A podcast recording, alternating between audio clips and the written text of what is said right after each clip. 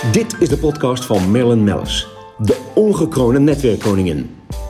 Hierin spreekt zij inspiratievolle ondernemers uit Founders Carbon Network.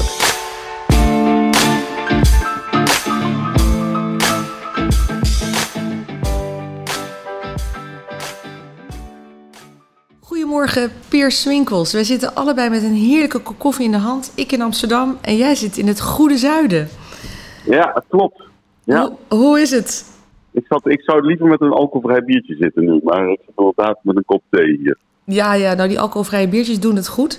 Ehm, nou ja, sinds jaar en dag eh, eh, met veel plezier eh, heb ik je aan boord bij het Founders Carbon Network. En dan echt als boegbeeld ook voor diegenen die ook familiebedrijven hebben binnen, binnen de groepen. Ehm, Ja. En dat is natuurlijk, het is ook heel bijzonder als ik al kijk, even, want ik val natuurlijk meteen met de deur in huis naar jouw hele loopbaan. Hoe jij het allemaal hebt opgebouwd. Ja, waar moeten we beginnen? Ik heb eigenlijk wel duizend vragen te stellen. Maar ik denk dat het leuke is voor de luisteraars om, eh, eh, om eens te horen eh, hoe jij het ook hebt ervaren als, als familielid. En, en, want ik kan me voorstellen dat dat deels met enorme druk gepaard gaat. Ook deels met ja, waar ligt je passie. En, ehm, nou ja, en dan nu, waar je nu staat, zeg maar. Ja, bij mij is dat eigenlijk met de paplepel wel ingegeven. En dat is, eh, dat was inderdaad in de generatie van, eh, wij, ik ben van de zevende generatie. En de generatie van mijn vader, de zesde generatie, eh, die werkten bijna allemaal in het bedrijf. Dat was toen nog heel normaal. Maar doordat we natuurlijk veel groter zijn geworden, niet alleen het bedrijf, maar ook de familie. Ja, was het in mijn generatie al niet per se zo dat je bij het bedrijf ging werken. Hè? Dat was eigenlijk op een gegeven moment zelfs meer, ja, je moest echt zeg maar dat werd echt verwacht. op de deur. Ja, je, je, je- het werd niet meer verwacht, zeg maar, Ja. enerzijds. En anderzijds, eh, eh, ja, je ging zijn, eigenlijk je eigen weg. Nou ben ik als kleine jongen ben ik wel echt opgegroeid in het bedrijf hoor. Want ik eh, ben heftig, als heftigchauffeur begonnen. Oh, ooit in vakantiewerk. En ik heb, daarna ben ik bijrijder in de horeca geweest. En ik heb op de administratie gewerkt. Ik heb op het Engelse kantoor gezeten in de zomervakantie. Dat soort dingen. Ja, Maar op een gegeven moment ben ik ook gaan studeren. eh econometrie in Rotterdam. En eh, toen eh, uiteindelijk ik klaar was, toen wilde ik eigenlijk helemaal niet bij het familiebedrijf gaan werken. Dus, Ja. het, dus ik ben er eigenlijk pas ingekomen nadat ik een aantal jaren bij Unilever heb gewerkt. En dat was omdat twee broers van mijn vader mij op een gegeven moment benaderden. En, en anders had ik nu nog steeds niet bij het familiebedrijf gezeten. Nou. Dus zo is dat gelopen eigenlijk. we, mogen de, we mogen de broers dankbaar zijn dat ze jou benaderd hebben. Nou ja, ik weet, ik weet niet. ik ben ze dankbaar. Aan de andere kant eh, denk ik dat de wegen gewoon goed bij elkaar kwamen op dat moment. Maar ja, het had ook heel anders kunnen lopen. Het was Ja. geen, zeker niet per se, het leg het in de lijn der verwachting dat ik zou gaan werken Ja, maar ik, kan, me- ik kan me herinneren ook dat jij in, in Ethiopië zat, in Zuid-Afrika of in, in Afrika op het continent. Eh, nou nee, ik heb, wij hebben een paar jaar geleden een nieuwe eh, brouwerij gebouwd in Ethiopië inderdaad. Dus Ja. ik, eh, ik zit daar wel regelmatig, maar dat is nu vanwege mijn huidige rol. Eh, omdat ik ook in de board van het bedrijf in Ethiopië zit, naast eh, dat ik natuurlijk CEO van de, van de groep ben. Ja, dus dat was een one-tier board, meen ik me te herinneren, inderdaad. Ja, Daar, daar klopt, ja, Ja. daar hebben we meer een one-tier board constructie. ja, Ja, dat- klopt. een hele mooie expansie. Als je kijkt naar Bavaria, ook überhaupt worldwide, waar zie jij nog expansie en hoe zie, zie je dat nu? Ja, dat is natuurlijk altijd de. Kijk, wij hebben, dat moet je ook zien over generaties heen. Wij begonnen als een, eh, eigenlijk een boerenbedrijf waar een, een bier eh, werd gebrouwen, zeg maar, Ja, vroeger. Eh, en dat was nog voor mijn overgrootvader, zeg maar, het geval. Mijn overgrootvader die bouwde een nieuwe pilsbrouwerij in 1924. En da- daarmee waren we een van de eerste in Nederland die met pils op de markt kwamen. Want dat was voor die tijd, waar waren de Nederlanders gewend om eelbier te drinken. Maar waren we eigenlijk een heel lokaal bedrijf. Dat werd regionaal op een gegeven moment. Dat werd op een gegeven moment nationaal na de Tweede Wereldoorlog. En vanaf de jaren 70 is dat pas internationaal geworden bij ons. En eh, toen zijn we met name met export begonnen. En nu is export eh, ja, zeker driekwart ongeveer van, eh, van de bedrijfsactiviteiten. Toch, ja. ja, enorm gegroeid, internationaal. Maar je ziet eigenlijk dat nu vooral de laatste, hè, dus mijn generatie is vooral bezig met die multinationaliseringsslag hè, in het bedrijf. Dus waar het eerste internationalisering was, zijn wij nu met de multinationalisering bezig. Dat wil zeggen dat we op me- in meerdere landen productielocaties eh, ofwel zelf bouwen ofwel via overnames. dat, dat doen. En dus dat we niet meer alles via de export naar Nederland doen. Nee, en... dat, dat, dat, ja, want... dat is een beetje de slag die wij maken eigenlijk. Ja, in de groei van het. Precies, maar het is natuurlijk een prachtige slag. En als je dan, want niet alle luisteraars weten ook waar jullie allemaal zitten worldwide, zou jij een kleine opzomming kunnen doen?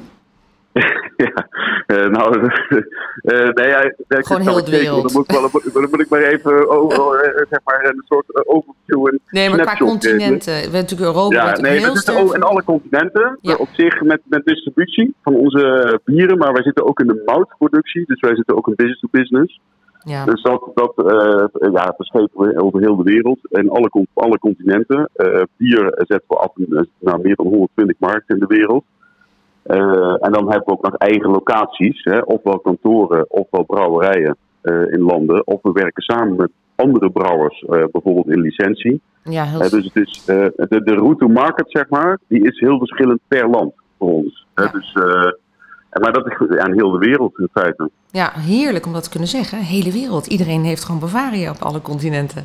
Heel goed. Ja, we, we, we hebben gelukkig een breed portfolio aan merken. Dus je zult het merk Bavaria veel, veel zien, zien, zien uh, in veel verschillende landen. Maar we hebben ook uh, nog... Uh, twaalf andere aanmerken ja, waar we mee werken. natuurlijk. En nog wat andere niches ook, hè? Hele, hele ja, er zit ook in speciaal bier natuurlijk ja. uh, heel veel. Want dat kan en eigenlijk op. Dat, dat is ook pas, ja, hoeveel jaar is dat, dat de speciaal biertjes echt opkwamen? Ja, die zijn in Amerika eigenlijk al. Het, het, zeg maar, speciaal bier was altijd in Europa al groot, maar met name zeg maar, bijvoorbeeld Belgische speciaal bieren. Ja. He, dat, dat was natuurlijk al heel bekend in Europa, maar de, de craftbrouwerijen, de kleine microbrouwerijen uh, en de host die daar uh, gekomen is in de markt, die is vanuit Amerika komen overwaaien naar Europa. Maar die was al begonnen in Amerika in de jaren 80. En dat, ah, kwam door de, dat kwam door de accijnswetgeving die er in Amerika was. Want kleine microbrouwerijen hadden een groot accijnsvoordeel in de, in de Amerikaanse accijnswet. Kijk. En daardoor ontstonden al die kleine brouwerijtjes. Dat, uh, je denkt altijd de consument uh, heeft, heeft, heeft dat bepaald, maar dat, dat, is eigenlijk helemaal niet zo gegaan. Dat is meer vanuit de overheid. Nee, de overheid uh, bepaalt in dit geval. Wat geestig. Wat een leuk verhaal. Hey, en, en dan, want we, hebben de, de podcast is kort. Um, dus wij vragen dan ook altijd nog van, heb je nog tips voor ondernemers? Ik kan me voorstellen, er zijn op, ja, zijn ontzettend veel ondernemers die zich op dit moment afvragen van, uh, wat gaan we doen? Hè? Wat gaan we doen met het bedrijf? Of het familiebedrijf is, ga ik het voortzetten? Of uh, wil ik mijn bedrijf uh, verkopen, een stukje M&A erin. Uh, heb jij daar nog tips over? Ja, nou ik denk dat altijd, ja, wij, natuurlijk moment zijn altijd generatiewisselingen, zeker familiebedrijven. Om dat nog eens een keer goed tegen het licht te houden natuurlijk. ook, ook dat hebben wij natuurlijk in de historie meegemaakt. Wij hebben er natuurlijk altijd voor gekozen om door te gaan als familiebedrijf. nog 100% onafhankelijk. Uh, maar je, het belangrijkste eigenlijk vraag is niet wat wil de familie, maar wat is de toekomst van het bedrijf daarin. En als, als je ziet dat de toekomst van het bedrijf eigenlijk kan blijven floreren in handen van een familie of van een ondernemer, dan, dan, is natuurlijk, dan, dan heb je natuurlijk meer, meer mogelijkheden om dat op de juiste manier door te zetten. Ja. Maar ieder bedrijf is uniek. En vaak zeggen mensen ook, ja, familiebedrijf dat is min of meer allemaal hetzelfde. Maar dat, dat klopt niet. Hè? Elk familiebedrijf is echt anders. Heeft een compleet andere uh, constructie, eigenaarschap, andere dynamiek, uh, andere business, noem maar op. Dus het is wat dat betreft ook weer heel. Uh, en het, valt niet plat te slaan over wat je daarmee zou, zou moeten doen of kunnen doen. Ja. Dus ja, ik, ik, denk dat het moment waarop je af en toe de eik moet eiken van goh, wat, wat wil het bedrijf, hoe kan het bedrijf blijven floreren en welke eigenaar past eigenlijk het beste bij, bij, bij die strategie, bij die koers.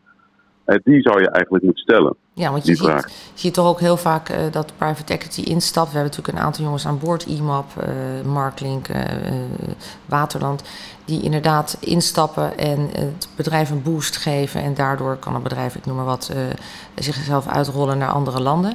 Ehm, dat is inderdaad ook, dat zijn ook hele belangrijke stappen die, die MKB plus ondernemers toch wel ondervinden nu. Ja, ja en wij, je ziet ook in onze historie, wij hebben ontzettend grote veranderingen hebben wij door moeten voeren in de historie om uiteindelijk succesvol te kunnen blijven. Het lijkt natuurlijk een familiebedrijf en al eeuwen oud uh, min of meer dezelfde koers bij spreken, maar in werkelijkheid hebben we ontzettende veranderingen moeten doorvoeren. Ja. dus, uh, en ook dingen moeten loslaten op een gegeven moment. Uh, om, om succesvol te kunnen blijven. Ja.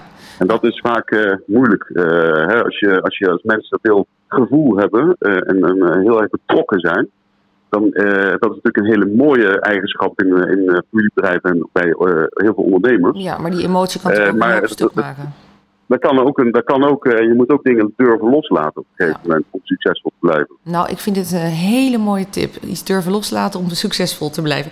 Pier, mag ik jou enorm bedanken voor je tijd. En uh, wij zijn uh, 29 september, komen wij heerlijk met, ik meen zelfs 80 FCN-leden bij jou op bezoek ja. in de brouwerij. Ik kijk er uit. Ik ook, ja. enorm. niet alleen om het biertje te drinken, maar ook weer om verder gezellig met je te kunnen praten. Dankjewel uh, voor je tijd dus nogmaals. En van mij uit nu vanuit Amsterdam een hele dikke zoen. Um, ja. En uh, nou ja, iedereen voor de luisteraars ook blijf ons volgen op Spotify en, en Soundcloud. En Pierre, voor jou ook een hele goede dag. Oké, okay, jij ook Merlin.